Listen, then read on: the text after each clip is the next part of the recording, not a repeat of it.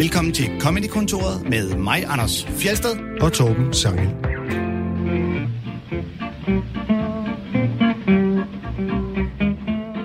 Det her er en øh, specialudgave af Comedy-kontoret fra Bogforum, hvor vi sidder foran et gigantisk publikum, der er 800 mennesker. kommet forbi Radio 4 stand. Tak fordi I kom. Øhm, og temaet i dag det er også specielt, for det skal handle om øh, komik i bogform. Både tekst og tegninger, og øh, det er noget, som vores helt specielle gæst gør det meget i. Hun hedder Stine Spidsbjerg, hun er mere kendt under navnet Stine Streng. Velkommen til dig. Tusind tak. Kæmpe bifald. Det kan man ikke høre. Jo, der kom det. Der kom det. Perfekt. Du er jo, øh, du er jo tegner og forfatter, og man kan vel godt kalde dig for satiretegner, kan man ikke det? Jo, det kan man godt nu officielt, fordi jeg er blevet øh, bagside stribe tegner på politikken. Det er nemlig rigtigt, og det kommer vi øh, tilbage til. Øh, men du er også aktuel med øh, denne her bog, som hedder Forklædt som voksen. Hvad går den ud på? Øh, det er en bog med tegneseriestriber, øh, som jo klassisk er et, et humorformat, men den er så ikke ren humor. Der, der er både noget øh, følsomt og noget bittert og noget sørgeligt og noget trist, men også for det meste med en humoristisk kant, også når det er lidt trist. Og så er det jo et af Kim Larsens bedste albums. Med nogen måske. Det er fuldstændig en hyldesbog, det kan man sige. Øh, det er nok øh, i virkeligheden snarere en bog, der handler om øh, den alder, hvor man flytter hjemmefra og skal prøve at være selvstændig og løsrive sig fra sine forældre. Er det ikke øh, det, der er temaet? Det er fuldstændig det, der er temaet. Øhm, og titlen kom lidt snigende af sig selv, og jeg var meget i tvivl om den, så jeg bad min veninde om at teste den på hendes 22-årige datter, øhm, for jeg tænkte, det skal ikke være sådan en bog, folk tænker sådan, hvorfor har hun lavet en Kim Larsen-bog med en pige på forsiden? Det ville virke dumt. Øh, men den her 22-årige havde jo slet ikke noget forhold til Forklædt som voksen som album, så hun øh, fortalte egentlig sådan synopsis af bogen, sådan, "Nå, men jeg tror, det handler om øh, folk på min alder, der egentlig er kommet ud og stå på egne ben, men det føles bare ikke, som om man er den voksne, man på en eller anden måde er sprunget ind i at være. Så det var sådan, at, "Nå, okay, så bruger vi den titel. Perfekt. Det er jo den der fornemmelse, som, som mange nok går rundt med, det der med, at de, de egentlig officielt er voksne, men at føle sig voksen, der kan egentlig godt gå, øh, gå mange år, før man, øh, man egentlig føler sig som, som voksen. Jo, men også samtidig forsvinder den følelse jo stadigvæk også tit for mig, som nu er 40 år. Der er stadigvæk mange af de ting, der er i den bog, altså som er, er nutidsting i virkeligheden, hvor det stadigvæk kan være en pensionsopsparing, og kan godt være sådan en, nej. Hvor meget, hvor meget bygger du på dine egne erfaringer? Øh, den bygger ekstremt meget på mine egne erfaringer, men den er forsøgt at gøre øh, ting, jeg har lært, og ting, jeg har kendt, til noget mere alment menneskeligt på en eller anden måde. Så, så den, den, er, den er personligt, men det er ikke en historie om mig. Det er sådan en fælles historie på en eller anden måde om at være i den alder. Og når man kender din streg, så ved man også godt, hvordan du tegner dig selv, og det er ikke en, der overhovedet ligner dig her. Det er mørkhåret og sådan noget, ikke? Er det fordi, du ikke tør at få det til at ligne dig selv? Og nu har jeg tegnet mig selv og smækket mig på nettet med øh, depressioner og operationer og alt muligt mystisk i Hvis man følger 12, 12, stilestregen 13 på. Instagram, så øh, er der en meget lang følgetong Ja. af striber, og en, et daglig stribe under corona, hvor corona er personificeret som sådan en rød Ja. viruspartikel, coronapartikel. Og nu siger jeg det også, som om, at det ved alle jo, men selvfølgelig gør de ikke det. Men, men jeg startede i 2008 med at lave en stribe, der handler om mig selv, mm. som, som blev ret populær på nettet. Hvor jeg har fortalt om, om psykisk sygdom og fysiske problemer og alt muligt andet. Så, så, så jeg tror ikke, jeg vil sige, at jeg var bange for at bruge mig selv. Det er bare, hvis jeg bruger mig selv, bliver det historien om mig. Okay. Så er det Stines oplevelser, da hun flyttede hjemmefra. Og Ja. det her er meningen, at det skal være en bog om os, når vi flytter hjemmefra, eller når man flytter hjemmefra, i stedet for en specifik person, at den sådan skal åbne op for at alle kan læse sig selv ind i den, i stedet for, altså det kender jeg godt, følelsen mere end, nå, det oplevede Stine følelsen. Ja, så det er sådan mere generelle observationer, Ja. end, øh, end sådan helt personlige. Lige præcis. Og derfor det er en mørkhåret, øh, page øh, klippet pige Ja. i bogen. Og, øh, og fordi at øh, tegninger er rigtig god radio, så vil vi lige prøve at, at dykke ned i øh, et par af dem, hvis du vil begynde med Ah, perfekt. Så får jeg lov at starte. fortælle. Ja, du får lov at starte. Jeg får lov at starte med at være ham, der skal prøve at, øh, at kommunikere en tegneseriestribe ud gennem æderen i radioen. Jeg er sikker på, at du kan, Anders. Pisfedt. Jeg tror, og jeg tror, det bliver lige præcis den her øh, stribe, der kommer til at hive publikummet over for Thomas Korsgaard-interviewet herover. øhm, man ser et, øh, et zoom-in. Øh, det er jo sådan en panel øh, med, med fire. Men det første ser man et zoom ind af den her øh, unge pige, der har hovedet på puden og tænker Tænkeboble. Gid, jeg var bedre til at være i nuet. Næste tegning. Der er faktisk ikke noget, jeg er dårligere til, end bare at være til stede. Tredje tegning, hun lukker øjnene og sukker. Fjerde tegning, vi zoomer ud, og kan nu se, at øh, hun får øh, øh, oralsex, cunnilingus, af en øh, fyr, der lige kigger op øh, fra mellem hendes ben og siger, kom du. Og det er jo sjovt på, øh, det er, der er jo mange, der er på flere niveauer. Øh, Det er jo løg af komik, det der. Løgkomik. Ja, der er, der er flere lag. og man ender med at græde, hvis man begynder at skære i den. Og det er jo det, som øh, i sådan øh, øh, komiksprog hedder pull back and reveal. Altså mm. hvor man skjuler, hvad sammenhængen egentlig er, og så zoomer man ud. Og helt bogstaveligt zoomer man ud her, nu viser viser jeg den også lige til publikum. Helt bogstaveligt zoomer man jo så ud på scenen her, hvor man egentlig måske bare har tænkt, her er en, en pige, der reflekterer over, eller en ung kvinde, der reflekterer over, hvordan hun har det med at give sig hen i nuet, og så bliver det så meget konkret, at det handler om at give sig hen i øh, den seksuelle Ja. situation. Og det er jo fordi, at det er sjovt, fordi pull back and reveal er jo, det er jo næsten en afart af bait and switching. Man, sætter, man ser denne person i en situation, og så switcher den ved, at hun er i en anden situation, end man umiddelbart tænker, fordi med de tanker, hun gør sig, så tænker man jo aldrig, det må være, mens hun får sex, hun sidder og ligger og tænker det her. Nej, det er jo sådan nogle tanker, vi som regel har, når man ligger og ikke kan sove Præcis. om natten. Øhm, så det er jo også det gode ved at kunne bruge mørke og en hovedpude og så videre, så er det nemt at skifte ud, fordi begge dele er Lige noget, vi præcis. forbinder med de to Og ting. i, øh, i film vil man jo gøre det ved bare altså fysisk at zoome ud, ja. Ja. så man pludselig kan se, og der får man jo, her kan man risikere at få afsløring, hvis du har kigget på alle billederne, inden du begynder at læse. Ja. Øhm, men i film eller serie vil man typisk gøre det, hvor man zoomer ud.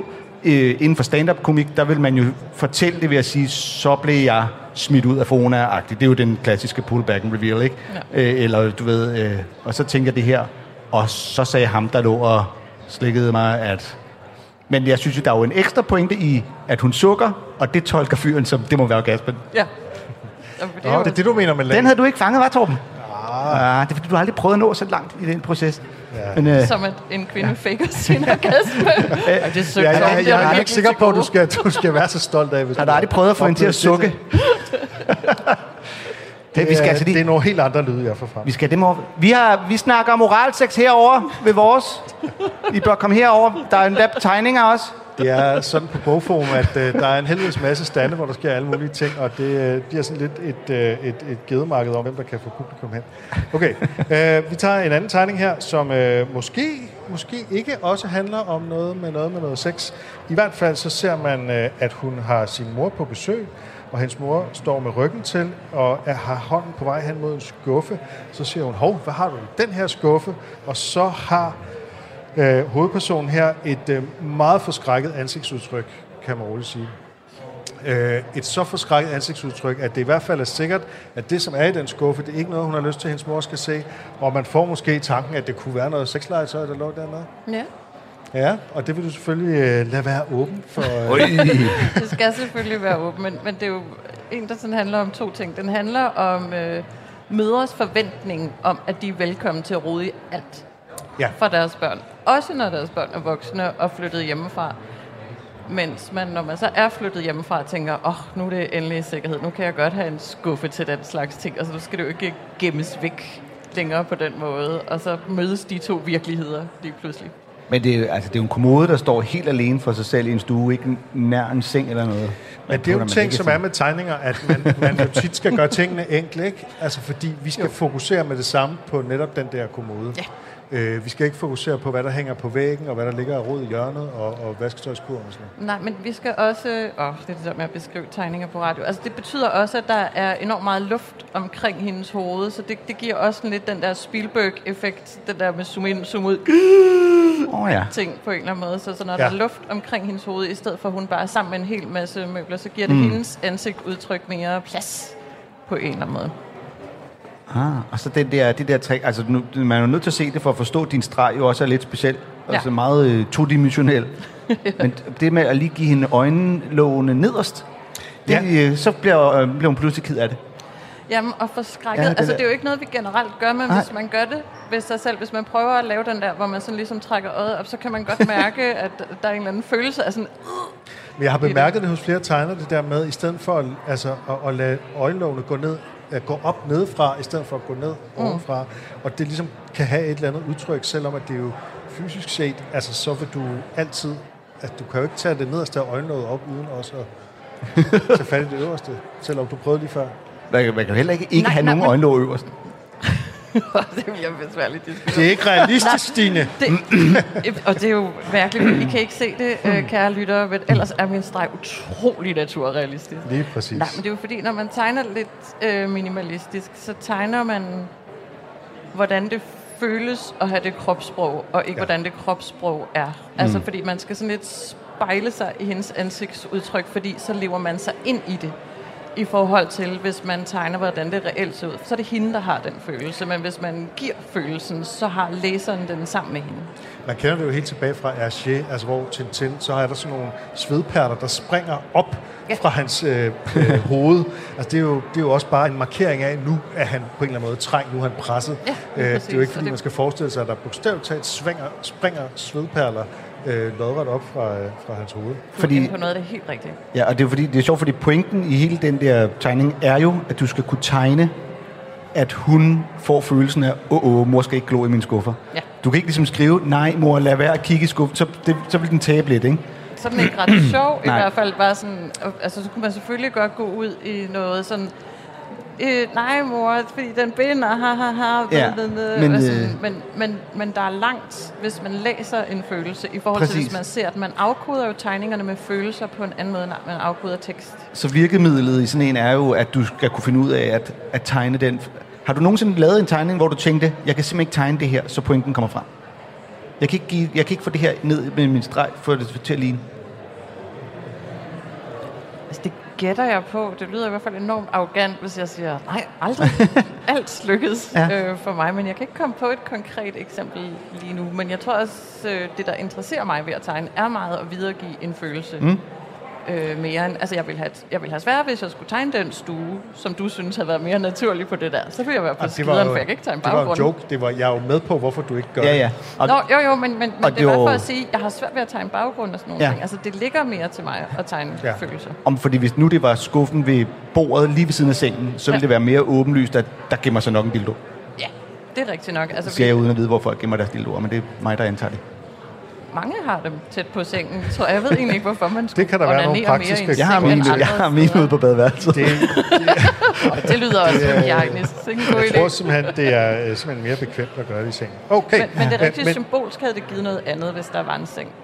Altså, fordi det er også sjovt, at det er åbent. Ja. Ja. At det ikke er, Ja, åh ja. oh, nej, ikke dildoskuffen, bare mor ikke kigger. Altså, det er også Ja. sjovt. Hvad kan Man være skal værre selv- Ja. end det, ikke? Altså, Ja, man skal tit selv det, forestille sig, hvad der ja, kan være det er tit det. værre, end det, jeg ville kunne finde på, ikke? Ja. Men en ting, som også slår mig, det, det er tidsligheden i det, fordi det er jo, du kunne netop altså, have lavet en situation i flere striber, hvor hun så, som du sagde bagefter, ligesom havde øh, sagt, åh, den binder, eller et eller andet. Ja. Ikke? Men det, du lægger ind, det er en tidslighed, fordi vi, vi skal øh, tænke på, hvad der sker lige om lidt. Nemlig, Ja. at hun åbner den der skuffe. Ikke? Mm. Det er ligesom med i det. Hun har hånden på vej ned til skuffen. Det vil sige, at du i et billede, og det tror jeg, man tit gør, når man bare laver et billede, så har man en situation, hvor der tit er indbygget den tidslighed, at man markerer lige om lidt, vil der ske noget forfærdeligt, der sker noget. Helt sikkert. Det, det er tit sjovere at tegne det, der er ved at ske, end, øh, end det, der reelt sker. Især når det er en rode. Men det er sjovt, fordi det kræver meget at lave tid i en ting. Altså man ved, at ens øjne søger tit teksten, men hvis der var en af karaktererne, der havde haft øjenkontakt med beskueren, så havde man søgt den først. Så det, hun kan ikke, der hvor hun er sådan, "Ugh", der kan hun ikke øh, kigge på beskueren, fordi så havde vi fundet den øjenkontakt først, og så havde vi læst teksten bagefter. Så, så der er meget sådan nørkleri, når man skal have tid ind i sådan et enkelt panel. Det er jo interessant. Øhm, Så nu snakker vi om noget helt andet. Nej, men øh, vi skal jo videre i programmet. øh, som alle gæster i Comedykontoret, så er vi blevet bedt om at vælge det, vi kalder for det sjoveste nogensinde, som øh, alle synes er fuldstændig øh, vanvittigt at skulle vælge. Og du har også fået lov til at vælge det sjoveste lige nu, ja. Som er et klip fra Tæt på Sandheden, der handler om barsel til mænd. Ja. Vil du forklare, hvorfor du har valgt det? Øh, jamen jeg har valgt det, fordi det var det seneste, der faktisk fik mig til at grine højt. Du sad simpelthen øh, og grinte højt. Sad du alene og grinte højt? Jeg sad faktisk alene. Altså ikke sådan skraldgrinede, men, men der kom, der kom men det er ret meget, fordi det er jo tit en social ting at grine. Ikke? Så når man, når man griner, når man er alene, så er det virkelig sjovt. Ja, så, så jeg morede mig meget ved den. Øhm, og så vil jeg også gerne øh, vælge det klip, fordi det er satire. Øhm, og jeg øh, kan godt lide stand-up comedy i, i små mængder. Men jeg har ikke det forhold til det, som, som I har, hvor jeg kan huske, ej, det show med Louis C.K. fra øh, 2008, mand, hvor han har de ternede bukser på. Det er det bedste nogensinde. Altså, så, så jeg var sådan lidt, øh, jeg ville faktisk ikke ane, hvor jeg skulle finde de klip, jeg lige havde set, og så videre, og så videre. Så Man skal jo heller ikke vælge stand-up-klip. Det er jo helt reelt, hvis det er noget andet, man lige synes er det sjoveste nogensinde. Ja, men, og det synes jeg, at, at generelt satire, der jo også øh, hænger sammen med bladtegning på en eller anden måde. Det er sådan mm. lidt samme genre øh, af humor. Og, og der er nok også det med satire, at det er tit det seneste, der er det sjoveste for at kigge tilbage på satire, hvor man lidt har glemt den samtid, det kom i så mister det lidt på en eller anden måde. Så, så det, det var også en måde for mig at forsvare, at jeg valgte et nyere klip, i stedet for, åh, oh, der kommer en evergreen for mig. Lad os prøve at høre tæt på sandheden om mænd på barsel. Ja! Så skal mændene tage barsel. Fuck patriarkatet. Slut med at melde sig ud af familien. Og efterlade børnene til os kvinder. Jeg mener, ja, kvinder. Ja, men slut med at være stavnsbundet derhjemme, mens mændene sætter sig på alle bestyrelsesposter. Det fuck dig, Rasmus Jarlov. Og sut mit konfetti rør, Ole Birk Olesen. Danmark! Danmark! Danmark! Danmark! Okay, hold, vent, sorry. Jeg, jeg, jeg, jeg får netop nu at vide, at det faktisk er kvinder, der primært er modstandere af øremærket barsel til mænd. Det forklarer måske, hvorfor nyhedsbilledet har været proppet med de her typer på det seneste. Jeg er kæmpe fan af, at, øh, at far han får noget barsel, men samtidig er rigtig ærgerlig over, at det går ud af de 32 uger. Jeg føler i hvert fald, at nogle mennesker, som ikke repræsenterer mig, trækker noget ned over hovedet på mig. Men hvis den ene ammer, og den anden ikke ammer, hvor, altså, så, så er man jo Emma væk ikke lige. Børnene er taberne i det her spil, og der er ingen ligestillingsforkæmper, som gider at kæmpe den kamp. og når jeg bliver færdig som jordmor, så vil det heller ikke kunne, øh, kunne lade sig gøre, at det var mig, øh, der skulle dele noget af min barsel. Dele noget af min barsel? Nu siger jeg noget, som mange mødre til synligheden har brug for at høre. Det har aldrig været din barsel. Det har bare føltes sådan, fordi du tog det hele. Jamen, jeg synes, at mænd skal bruge samme retorik fremover. Selvfølgelig vil vi gerne have kvinder i bestyrelser. Det er bare lidt ærgerligt, hvis det skal gå ud over vores bestyrelsesposter. Ja, jamen, men fint med en samtykkelov. Det, det synes jeg da. Bare det ikke betyder, at jeg får mindre af min retmæssige fisse.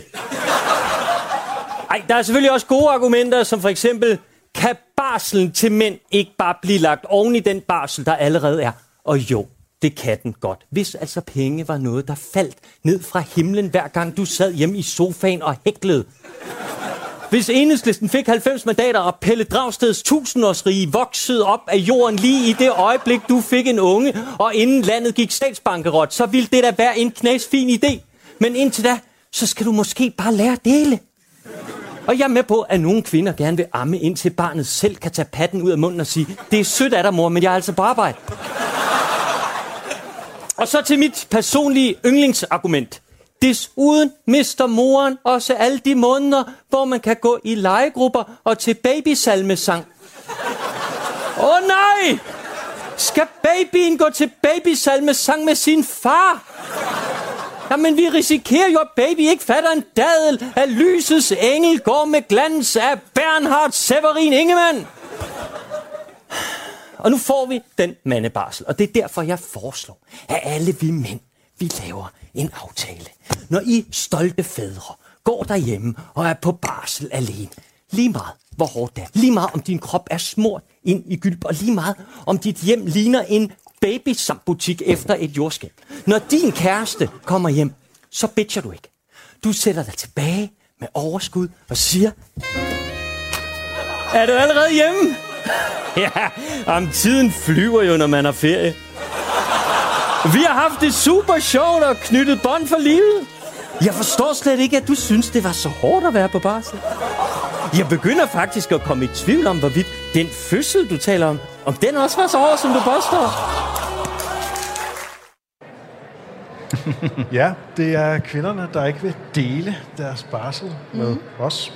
Jeg synes, det er smukt, at vi sidder faktisk lige over for Christi Dagblads forlag og laver og snakker moralsex og, øh, og, og jokes om øh, babysalmesang og alt det der. Det kunne De ikke være godt, bedre. de har godt af det. Han, øh, han laver jo nogle klassiske sådan overførsler, ikke? Altså laver en overførsel til bestyrelsesposter, ikke? Det skal Mm. ikke ud over vores bestyrelsesposter, og så giver han lige en tand mere og laver en overførsel til samtykkelov. Der er kant på der, ikke? Ja. Øhm, Ja, ja, øh, øh, fordi at, at det er jo til at starte med, at han har fundet den der vinkel, som har været lidt overset nemlig at al diskussionen øh, altså omkring det her øh, tvungen barsel, at det er kvinderne, der er imod.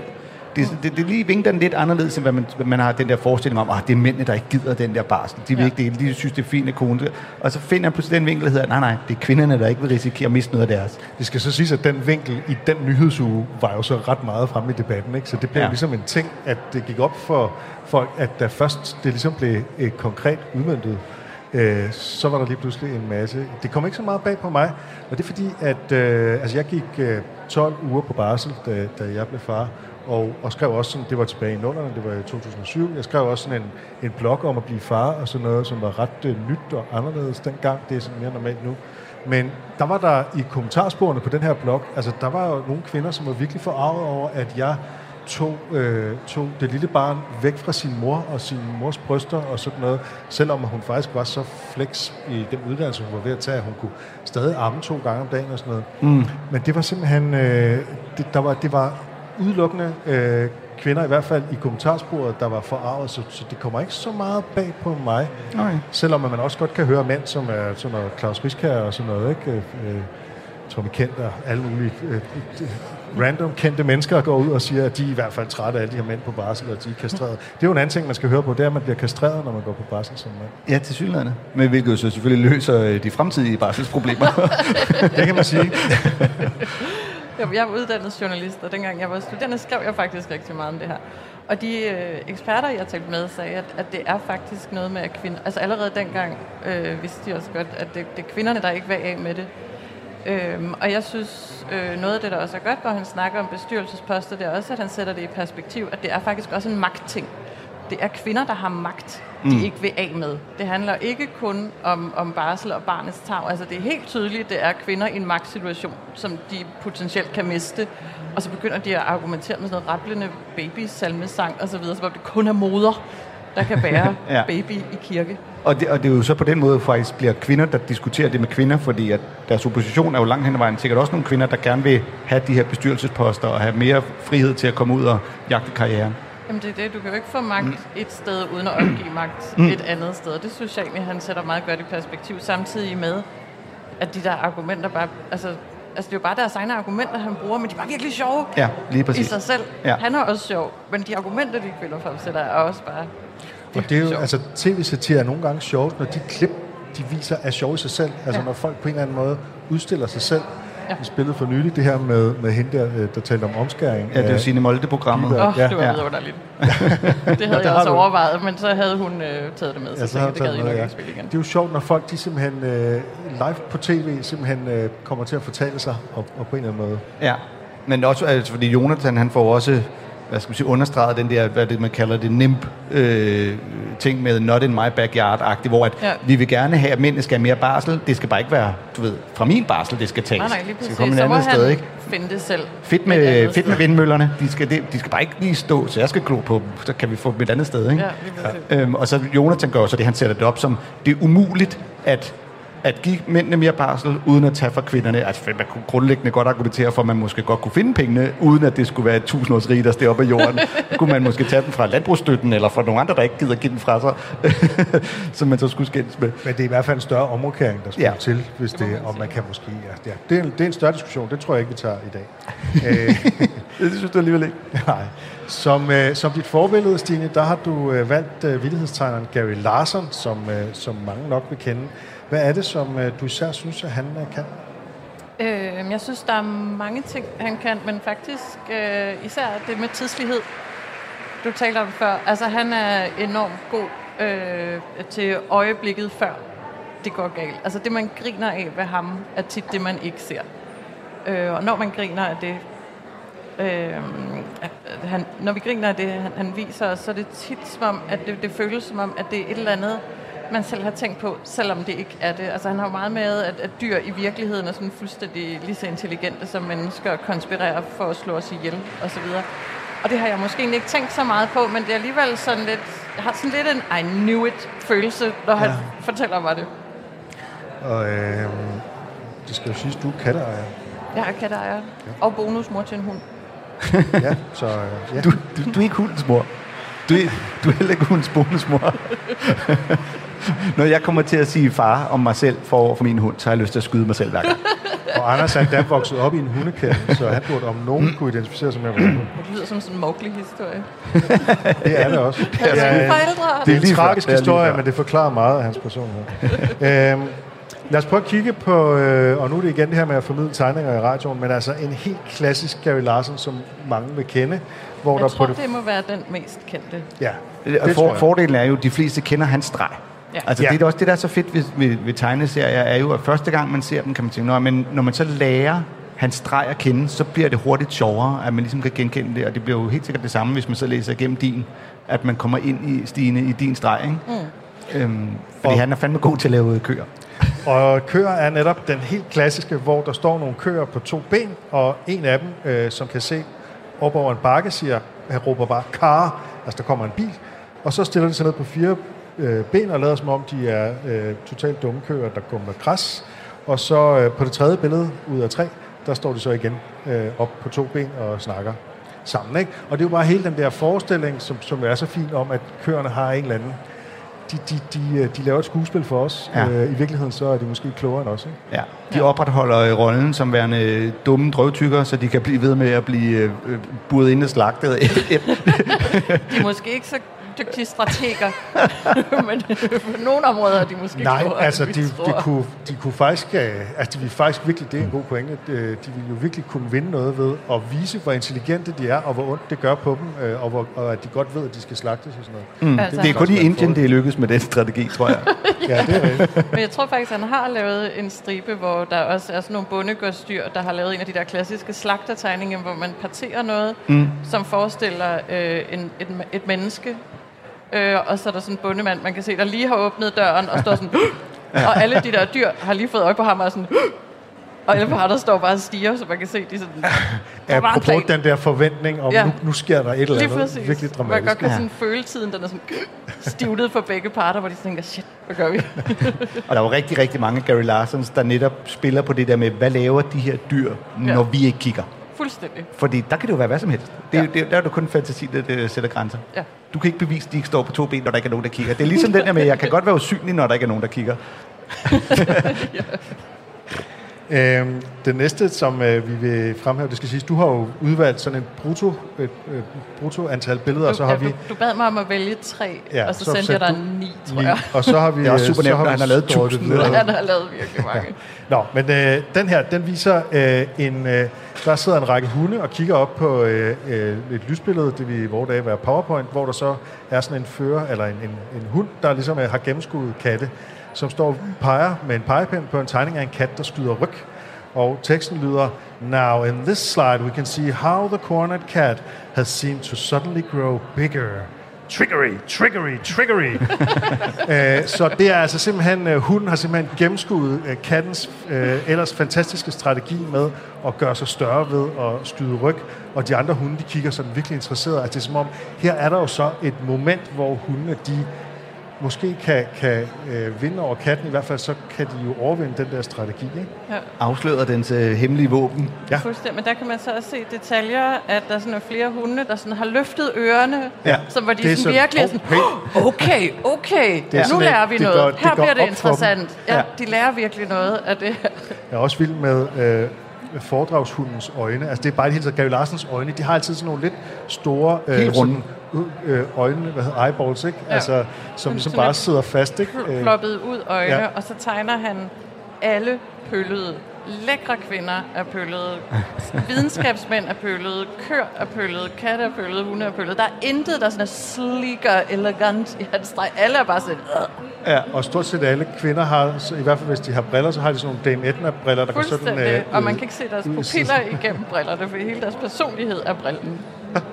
Det er en, en brille med en, øh, en kvinde indenunder. Men det spiller jo også godt på den der forestilling om, at hunde og katte bare er dødsfjender, ikke? Så, øh, og det er den ærkerivalen, så hundene konspirerer om, hvordan fanden får vi styr på de her... Der ligger lidt strategi. Og noget af det sjove ligger også i, at, at, at det er jo så dumt, det her med, at man skulle tro, at en kat var større, fordi den skyder ryg. Ikke? Altså, det er, Ja. jo så, det er jo så banalt, ikke? Men det, så det der med, at endelig gik det op for hundene, der er bare sådan en eller anden fantastisk øh, øh, øjeblik af Når de gennemskuer, at katten gemmer kløerne, så er de eddermame også på spand.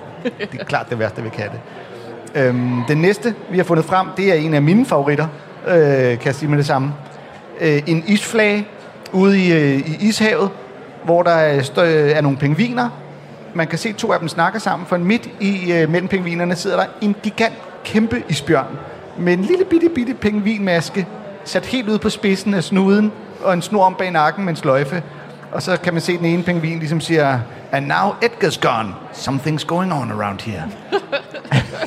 Og igen er det jo det der med den der næsten erkendelse af et eller andet, som de virkelig burde have indset for længst. Ikke? Fordi ja. den der isbjørn er 30 gange så stor som pingvinerne. Og de er, de er stadig i gang med at bare have fornemmelsen af, at der er et eller andet, der ikke helt er, som det skal være. Ja, men det, det er sådan, kører sådan det der morplot på en eller anden måde med sådan et, hmm, er det ikke så, var folk der som fluer i den her mystiske middelalderborg? ja. Men de er bare på en isflage, der er sådan nærmest bare på størrelse Der er med kun den plads til isbjerg. dem. Altså, der. Og, den, øh, fylder. og så også, at det, der, det er altid sjovt, når man dummer nogen ned. Ikke? Altså, at folk, der er idioter og dumme. Og de her pingviner er jo åbenlyst mega dumme, at de ikke kan... Fordi den der pingvinforklædning er så dårlig. Altså, det er det dårligste. Helt utroligt Øhm. dårligt. Men noget, der også er virkelig sjovt, er isbjørnens blik, hvor den sådan faktisk lidt kigger ud mod os med sådan en... Sådan en Shit, de, har, de er de er ved skal du lige passe lidt på.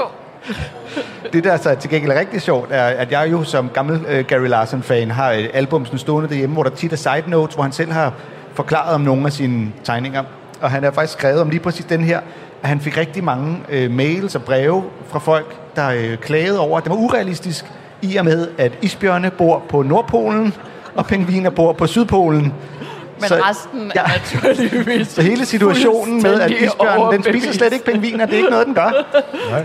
Og det er Isbjørne, det de klæder sig ud som sæler og sidder på isflager klædt ud som sæler. Det er sådan, det er. Og det er jo også lige præcis hele Gary Larsons pointe i det, at det er alligevel det folk, de bider mærke i. Ikke det faktum, at isbjørnene har klædt sig ud med, fundet en pingvinmaske, taget den på, og der står to pingviner og på snakker en eller sammen. anden måde bundet altså sådan en flot sløjfe i nakken. Det er jo ikke sådan basket på, den der maske. Den er jo bundet Øh. helt yndigt. Ja. Der, øh, der er faktisk en anden, nu øh, det er ikke en af de tegninger, vi har med, men hvor at han har lavet en af en hundchimpanse, der sidder og piller en handchimpanse, og så finder et blondt hår og siger, øh, og siger noget i stil med, øh, ah, har du lavet mere research med hende, Jane Goodall-skøen, øh, som er også en chimpanseforsker, Ah, øh, dyrerettigheds. Og, øh, og der, viste, der skrev han så, at han øh, efterfølgende fik brev fra Jane Goodall Institute, at de var meget forarvede, og synes, det var langt under lavmålet at an, antyde, at Jane Goodall skulle have noget med de her chimpanser at gøre på et øh, intimt øh, plan. Ej, så lader vi som om krænkelsesparathed er noget nyt, var. Ja, præcis, og så fik han det jo dårligt, men da Jane Goodall så kom hjem fra Tanzania, hvor hun rendte rundt og øh, klappede nogle chimpanser, eller hvad hun lavede, og selv så den, var hun sådan lidt, det synes hun var meget sjovt. Hun kunne ikke se noget problem. Nej. Men øh, den der chef, der er inde på institut, institut, blev krænket på andres vegne. Ikke? Så er vi nemlig lige ude i Vogue i en øh, ydre potens. Ja, det er det der med krænkelse er, er nogle gange øh, noget, som nogen har på andres vegne. Løsningen blev i øvrigt, at øh, Goodall-instituttet fik lov at sælge t-shirts med den her tegneseriestrip på, hvor alle pengene kunne gå til instituttet, så alle endte med at være glade. Det er pengenes magi. Yes. Jeg tænkte, vi lige kort tager en tegning mere af Ja. ja. Gary Larson, som er øh, den her med øh, løven, der er på vej ind i en elevator sammen med en mand, og han siger, Don't be alarmed, folks. He's completely harmless unless something startles him. Og dørene er så, elevatordørene er ved at lukke i om løvens hale. Ja. Øhm, øh, så det er jo bare et eksempel på det her igen. Vi ved, hvad der sker lige om lidt. Det sjove ligger i, at, uh, hvad sker der nu, ikke? Ja, men det er fordi, at selve vittighedstegningen er overhovedet ikke sjov.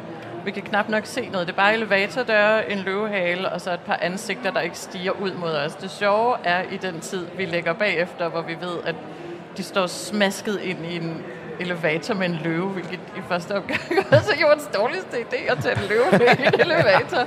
Ja. Men som jo også på en måde lidt er en kommentar til øh, folk, der er glade for meget store hunde, føler jeg lidt. Og altid siger, at øh, bare rolig. Ja. Den bider kun, hvis den kan mærke, at du er bange. Ja, og sådan noget, og sådan, han vil bare lege. Det, Ja. ja. det er super, men det er ikke min leg at få brækket nakken af en kæmpe hund. Nej, ja, fordi der er nemlig hele det der spil i, at øh, så længe den ikke kan fornemme, at du er bange, så jamen, jeg er bange. Altså, det er meget Hvordan kan jeg lade være med at være bange? ikke Og nu er jeg bange, fordi at den ved, at jeg er bange. Og så er det... Altså. Øh, Stine, øh, jeg må heller lige sige, øh, du lytter til Comedykontoret på Radio 4, hvor vores gæst er Stine Stregen alias Stine Spedsbjerg. Og øh, Vi optager fra Bogforum. Det gør vi nemlig Center. live, og det er derfor, man kan høre forskellige ting foregå i baggrunden. Sådan er det. Uh, vi skal også tale om din stribe politikken, der hedder Vox Populi. Mm. Uh, du har jo simpelthen fået den bagsidestribe, som tidligere har været besat af for eksempel Nicoline Werdelin og Strid og Wolf Morgenthaler. Hvordan føles det at være den nye bagsidestribe? Fame and fortune venter. Ja, altså det er jo det gode ved at være vild med tegneserier. Man bliver meget rig. Lynhurtigt. Øh, fuldstændig. Så jeg skal ud og have fundet en rigtig stor villa snart, og det føles selvfølgelig rigtig, rigtig godt. Øhm, Og bagsiden, er det, det er jo bagsiden på politikken, du har Ja. det her. Det er alle politikens læsere er herinde lige nu. Ja, det føler jeg også. Du er det. det, er- Det her det er jo politik distortion. Vi Ja. er til. det er rigtigt. Altså, de, de burde øh, på en eller anden måde have fået lidt mere øje på mig. Mm.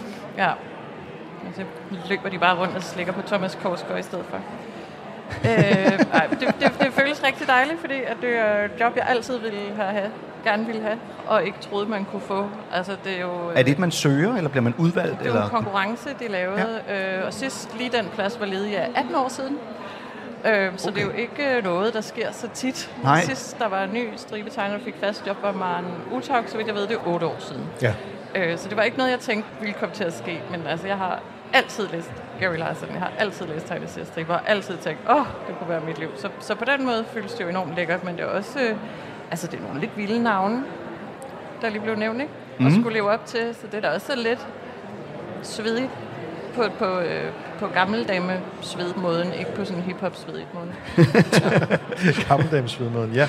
ja. Øh, det er jo et ret specielt koncept, du har lavet, fordi det er jo ikke øh, vidigheder, det er direkte citater fra kommentarspor. Prøv at forklare. Jamen altså overordnet er det jo på en eller anden måde lidt et illustreret kommentarfelt.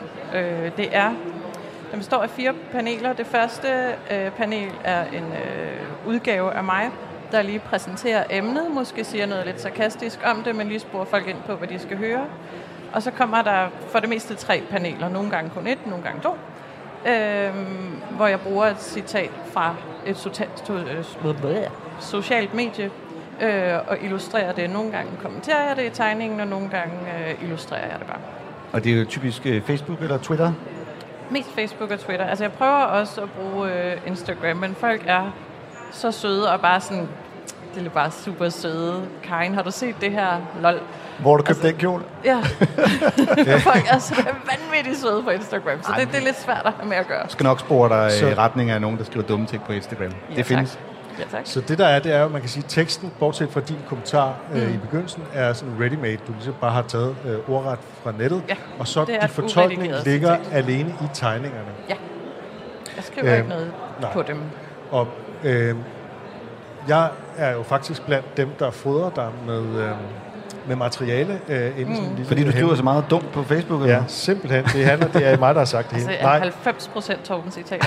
jeg, jeg, I var ikke klar over, at han var så racistisk, hva'? Jeg er med i en lille øh, hemmelig gruppe, hvor vi øh, høster øh, materiale til Stine øh, fra forskellige kommentarspor. Fordi Altså, det- hun har ikke tid til selv at være til stede på alt. Altså, de, de, de sjove steder på Facebook for eksempel, det er, og synes jeg også på Twitter, det er jo for eksempel mediernes øh, kommentarspor. Ikke? Mm. Det kan være Christi Dagblad, som vi sidder overfor, eller Politiken, eller Berlingske, eller sådan noget. Især når de skriver om øh, et eller andet clickbait-agtigt, eller når ja. De skriver om noget livsstilsagtigt. Ja, man kan nogle gange få indtryk af, at de skriver nogle ting, bare fordi de ved, at det her det kommer til at ophisse kommentarsporet. Og det virker. Det virker. Altid. Ej, det, der, der, gang er ikke, der er ikke nogen, der ikke tager den med, ikke? Ej, Der er ikke nogen, der sådan skriver, ej, slap af. Det er bare sådan, Ja, Jamen, det er jo det er hver gang, man trykker på det der vis kommentarer, det er bare into the comment section you go. Only darkness you will find. det, det er vidunderligt. Øh, men ja, jeg har sådan en øh, lille stikkergruppe med folk, som jeg ved, der, der ligesom mig har det med at falde i de der kommentarfelter. Den vil jeg med. Øh, meget gerne, øh, som så hjælper mig med at uploade øh, screendumps af det, fordi at nogle gange, så er der også nogle gange folk, der sådan siger, ej, den her kommentarsektion skal du gå ind i. Men altså tit er det bare folk, der tagger hinanden, og så er der nogle gange 2.000 Ja. opslag, så, så nogle gange er det, altså, der, man skal lede længe for øh, at finde guldkornene, så det, er- det er virkelig rart at være, være flere, der hjælper med at Ja. ja. kigge efter det. Altså, vi skal, vi skal selvfølgelig gennemgå nogle af dem, men så, du, hvordan fik du ideen? Har du siddet og læst nogle kommentarer, og så kom ideen til, det her skal illustreres. Det, det er tegneseriestribe materiale. Mm, Eller altså, det var det sådan mere form for, svært hvordan udstiller jeg de her idioter, der piner min... Hvordan gør jeg grin med folk, uden at det er mig, der lyder? godt? øh, nej, jeg tror, det startede med, at jeg var øh, en del af et øh, gratis satiremagasin, der hed Spot på et tidspunkt, hvor jeg havde noget, der hed Voxpap, som var øh, en øh, imaginær voxpop. Altså sådan helt klassisk med avisen, øh, hvad synes du om valget, eller kan du lide Mette Frederiksen, der hvor man går ud og spørger ja. manden på gaden. Ja, ja. Tone er Øh, forsinket igen. Hvordan har du det med det? Lige præcis. Øh, og så tænker jeg, den, den var jeg måske ikke helt færdig med, men at det også ville være kedeligt hver dag, at jeg bare lod, som om almindelige mennesker svarede på et eller andet. Så, så der, der skulle ske noget andet. Øh, altså jeg ved faktisk ikke helt, hvor det her kommentarfelt noget øh, kom fra, men, men måske fordi, at når jeg læ- altså, giver mig til at læse nyheder, så er det tit, at jeg faktisk ikke ved noget om nyheden, fordi jeg bare faldet i det der kommentarspor. Mm. Så det er sådan, når folk er sådan helt, ah, men de nuancerede det jo også til sidst, kan jeg godt være sådan, om det ved jeg ikke noget som helst om. Jeg ved, Karen fra Middelfart er rasende. Og hun har heller ikke læst nyheden. Jo. hun er heller ikke Nej, hun har også læst overskriften, ja, præcis. Eller det spørgsmål, som medierne stiller i, øh, i Facebook-opslaget. Ja. Øhm, hvordan øh, er den blevet modtaget? Mit indtryk er, at folk skal lige vende sig til formen med, at der ikke er nogen punchline, og, og måske også det der med, at du, du citerer jo ordret med alle øh, grammatiske fejl, og stavefejl, og slåfejl, og helt bedule. Ja, Altså, og det er man jo ikke vant til at se. sådan altså det ved jeg, at det er flest politikken læser, der har et problem med. Det er det uredigerede citat. Og selvom jeg pænt skriver til sidst, at det er et uredigeret citat.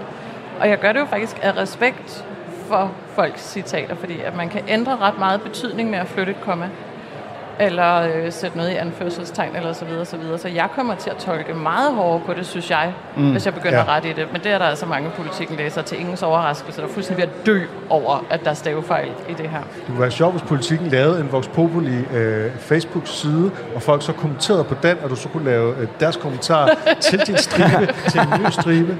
Så kunne du virkelig... Øh, Tegne bagside stribe Inception. Ja, vi, havde, vi, vi havde faktisk en aftale om, at der skulle kommentarfelt på den inde på politikens øh, side. Og, og det, den, det har de glemt at gøre. Og jeg har været sådan lidt, ej, vi skal da... Og så, ah, måske det bedste det mere, fordi det var... Når man ændrer noget i sådan et dagblad, der har været det samme i 18 år, så er alle bare som udgangspunkt rasende ja. over, at det er noget andet end det, det plejer. Ligesom hvis man lavede en ny taleradio lige pludselig i forhold til den, der var der før. Det kan folk også blive sure over. Det er folk heller ikke så super glade for. øhm, og så samtidig tit er den jo ikke sjov. Det er ikke en sjov lovklasker stribe. Den, den er sjov, hvis man virkelig tænker over mm. det og har sat sig lidt ind i tingene. Men den kræver lidt. Det er mere en eftertænksomhedsting og en, en kuriøs ting, og nogle gange bare en super spacey ting. Det er ikke sådan en badam bam. Nej. Og så var der latter og så videre. Og klart Øhm, sjovest for folk, der dykker ned i kommentarspor Også det. på Facebook. Øhm, og, og det er der ikke nogen, der er vant til at striber er længere. Altså mm. striber, det striber er, har ligesom været det samme i helt ufattelig lang tid. Og, og en af grundene til, at jeg også prøvede at, øh, at gøre det på den her måde, var også fordi, jeg gerne ville lave noget, der ikke var lavet før.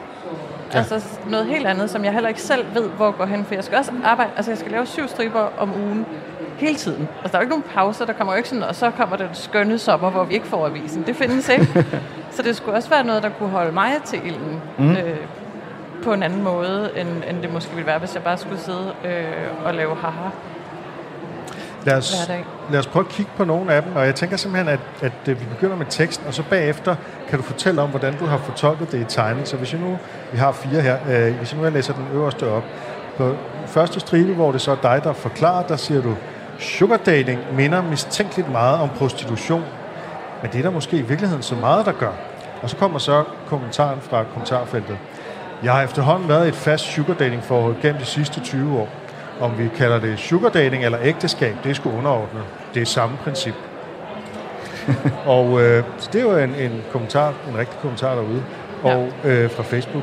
Og du har så valgt, øh, jeg synes jo, jeg forestiller mig umiddelbart, at det der, det er blevet sagt af en, der har mange penge, og er sådan lidt, øh, sådan lidt overklasseagtig, men du har valgt at tegne en meget normal mand, der går tur med sin hund. Prøv at fortælle om, om det valg. Jamen, jeg, jeg, fordi, fordi at jeg, jeg tror, det er øh, i mit hoved, altså det skal sige, jeg tegner aldrig dem, der har sagt det. Jeg, jeg giver dem en persona ud fra det, de siger, og leger videre med den. Og i mit hoved, ham der siger det, er en relativt almindelig mand, øh, der egentlig ikke yder ret meget i sit forhold, men virkelig føler, at det er ham, der bærer mest. At det er lidt hårdt, og det er lidt synd, og han hjælper faktisk til. Mm. Det er sådan lidt den type... Øh, Bare han ikke skal tage mere barsel. Han har helt klart ikke taget barsel op her. Han er sådan typen, der vil, øh, der vil snakke om, at børn jo først er interessante for mænd, når de kan spille fodbold. Øh, hele den der idé om, at sugar dating og ægteskab skulle gå ud på det samme, den, øh, den hører man jævnligt. Øh, øh, og jeg synes, den er ret vild og virkelig langt ude. Altså, der må, det må, der må ligge i det, at der er mange kvinder, der er gift med en mand for penges skyld, ikke? Altså, for at få økonomisk tryghed, så gifter de sig med en rig mand og sådan noget. Jeg vil sige, jeg Eller har, også har folk forestillinger om, at det er sådan, fordi at vi ikke have mødt nogen af dem ellers. Altså, jeg vil, hvor ikke- mange jeg vil ikke sige, du? det aldrig er sådan. Jeg vil i hvert jeg fald siger ikke- hurtigt kunne nævne nogle rige mænd, hvor jeg tænker, han er ikke blevet taget på grund af sit storslåede udseende Nå, eller lignende personlighed. Men der, men der snakker vi om rige mænd. Der snakker, vi jo ikke om, Nå, nej, det er det ikke. Der snakker vi jo ikke om ægteskab generelt, men det bliver Ja. tit sammenlignet med, som om at det er et generelt ægteskab. Mm. Samtidig med, at vi er rasende over alt med kvinder, der tjener for mange penge. Ja, ja, ja, det er et Forvirrende, paradoks. Jeg tænker også, at det vel ikke er så mange i Danmark i vores dage, der gifter sig øh, for penge. Altså, der er trods alt sket noget, ikke? Altså, jeg tænker, for 50 år siden var det måske mere almindeligt. Jo, men altså, det er jo helt klart, at, at historisk set har der været en transaktion i det, blandt andet fordi kvinder ikke rigtig kunne gå på arbejdsmarkedet. Så mm. der har de jo absolut været nødt til at gifte sig til penge, men det føler lidt ikke helt det, det samme længere. Det er sådan en mærkelig forestilling. Altså, og så ved jeg ikke, om der er nogen mænd, der, der hænger lidt fast i, at der er jo måske stadigvæk lidt en forestilling om, at mænd øh, betaler, når man dater. Mm. Ja, det, Det, det, ja. det kan jeg godt øh, mærke for, for begge sider af folk, jeg kender. At det, det, der er en vis forventning i det. Og jeg ved ikke, om det det, er det folk I tolker lidt stramt på.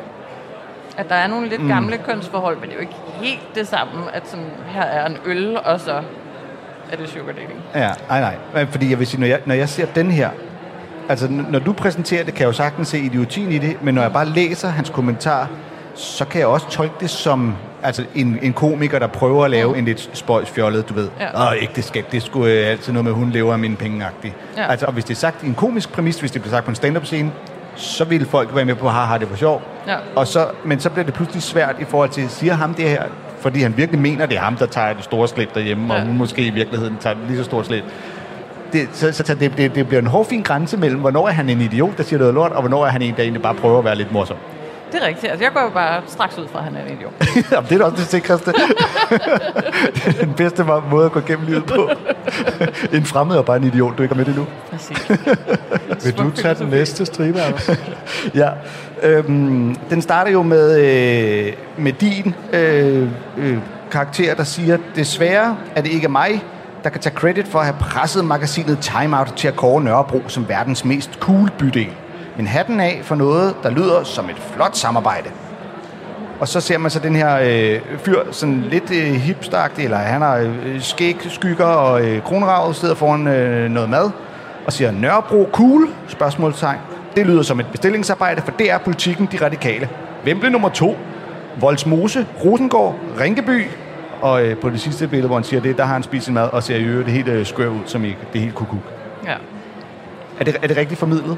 Ja, det er det. Altså, og det. Og det er en, hvor jeg har valgt, at der, at der ikke er så meget i selve tegningen, fordi det er sådan en mærkelig ting at Men sige. hvorfor skal han spise mad?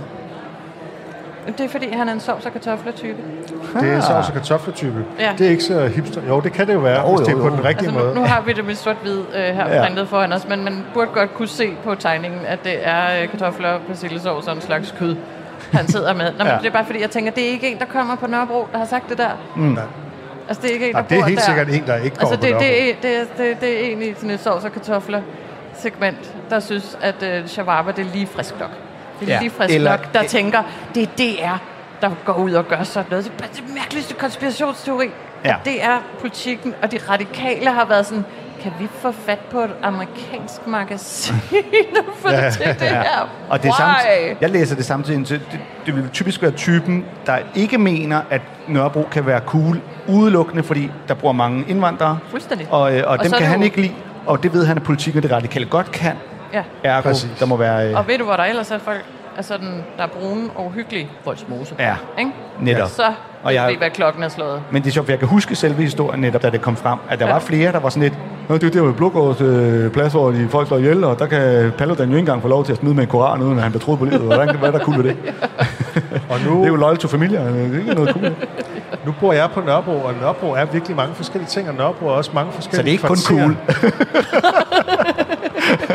Ja, tak til Anders. Øh, det er jo ikke, det er jo mange forskellige kvarterer, og der er mange, der har sådan en idé om, at Nørrebro er ligesom én ting, og det er noget med bandekriminalitet. Og Det er sådan bare sådan en gangsterzone. Ja, og det, jeg bor i et virkelig fredeligt kvarter på Nørrebro, på Indre Nørrebro, øh, og øh, der er ligesom, der er, jeg tror, jeg på et tidspunkt prøvede at opdele Nørrebro, og jeg tror, jeg kom til syv eller otte kvarterer, som Nørrebro består af. Det er jo, der bor virkelig mange mennesker på Nørrebro, og det er jo et kæmpe stort område.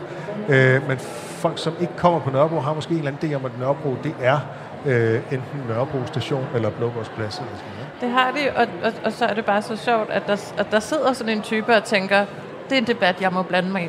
Jeg har ikke været der, men jeg tror, jeg ved, hvordan de har fået den historie. Ja, og, og i øvrigt lige få sagt, at Nørrebro er ligesom, hele Nørrebro er ligesom den her lille bitte øh, boligblok i øh, Odense, eller, Ja, ja, altså, er præcis. Fyldt med brune mennesker, der bare skyder. ja, hvor det ikke er andet end ballade og social boligbyggeri. Og skal det nu være cool? Når det er så sagt, ikke? Nørrebro som verdens mest cool bydel. altså, jeg har selv boet på Nørrebro, og jeg synes også, det var fedt. Men jeg har også været i Berlin. Ja, og- men nu er du flyttet, og nu er det blevet til den mest cool by. nu er det mindre cool, jo. Godt. Uh, vi tager den tredje, uh, uh, hvor uh, Stine uh, folder hænderne og siger, Nå, men det viser sig, at der faktisk var et ledet standpunkt i spørgsmålet om, hvorvidt kvinder i slutningen af 40'erne godt må blive mødre. Så er der så kommentaren, uh, som er fra en meget uh, fin dame, der, uh, der drikker hvidvin. Bare det ikke kommer til at koste skatteydernes penge. Husk, at dette er en privat nydelse på linje med rygning og druk. Og så er der en ekstra øh, tegning, hvor man ser en mor og et spædbarn, der danser, og spædbarnet både ryger og drikker. Ja. øh, hvordan fandt du på at lave den der sidste? Fordi, jeg vil, jeg vil bare gerne altså, lave en visuel kommentar til, hvor utrolig nuts det er at sammenligne behovet med at, at, at, at blive forældre og blive mor for et barn med rygning og druk. At det, sådan, det puljer man. Det er simpelthen det mærkeligste at pulje, og det, var så, det bliver nødt til at være en tegning. Også at man bare ruller sådan, som om, at det siger man sådan, om hun er sådan typen, der drikker og ryger for børn. Altså, det er sådan en mærkelig ting at pulje. Det kan man ikke pulje. Nej. Så derfor var jeg selvfølgelig nødt til at pulje det. Ja. Og du har jo så også valgt at gøre kommentatoren, altså at give vedkommende en, en, sådan en karakter, som så er en med hestehale et, og, en, og en fin, til synligheden fin bluse på, og med et glas hvidvin. Altså man fornemmer noget, noget privilegeret. Er det martini? Er det en martini? Det må det være. Man drikker ikke hvidvin af sådan Det glas. tror jeg, Stine bedst ved. Altså, jeg har bare tænkt drink. Ja, det er fint. Den Det er køber en jeg Jeg ikke specificeret helt så hårdt. Med et fint drinkglas. Jamen, det er et fint drinkglas, og, Og hun er så en, lidt der, fin. der Altså hun kunne godt være fra Hellerup, ikke? Det kunne hun godt være, men, men det er jo også det, bare det ikke kommer til at koste skatteydernes mm. penge. Ja. Det er også en mærkelig ting. Men et eviggyldigt go-to-argument i øh, alle sammenhænge i livet. Fuldstændig, men det er også derfor, at, men, men jeg har ikke set Jeg byder det ind her til fællesskabet, ergo skal jeg bestemme. Fuldstændig. Altså, men altså hele det her, altså, jeg tror alle, der følger lidt med i kommentarfelter ved, at dem vi er næst mest sure på, vi havde selvfølgelig muslimerne mest, men næst mest, så hader vi ældre kvinder, der får børn. Der er ingen grænser for, hvor vrede vi er på dem i kommentarfeltet. Altså, det, det, det må de ikke. Nej. Det er simpelthen Ældre mænd må godt. Ja, det er charmerende. Ja, ja. Der er de virile, ikke? Fulde af livskraft, men kvinder får for satan, mand. Ad. Øh, og jeg troede egentlig, at der havde været ligesom alle argumenter fremme. Men så kom der alligevel lidt, som jeg ikke havde set før. Det var jeg næsten helt imponeret over. Men lad os være ærlige. Kommentaren var ikke fra en kvinde, vel? Det var Jo. en mand, der sagde det. Nej, jeg Var det en tegner, kvinde? jeg tegner det køn. Åh, okay. Som kønnet snyder du ikke med. Øh, nej, okay. ikke, ikke hvis de har et navn, der, der, der tyder Nej. på, at de har valgt et køn. Hvis de hedder sådan et eller Okay. andet øh, lidt uspecifikt, øh, Ja. der kan gå begge veje, Meget så tegner jeg det, jeg synes er sjovest. Okay. Fedt. Så du går ikke ind og tjekker på, hvad det er for en profil, Facebook-profil, der står bag Nej, kommentaren? nej, for det synes jeg faktisk ikke er vigtigt. Jeg synes, det er det, de har ytret, og det, der lever i den fælles debat, der er det sjove. Hvem der præcist har sagt det, er egentlig ikke det vigtige her. Det er det, at nogen faktisk siger det.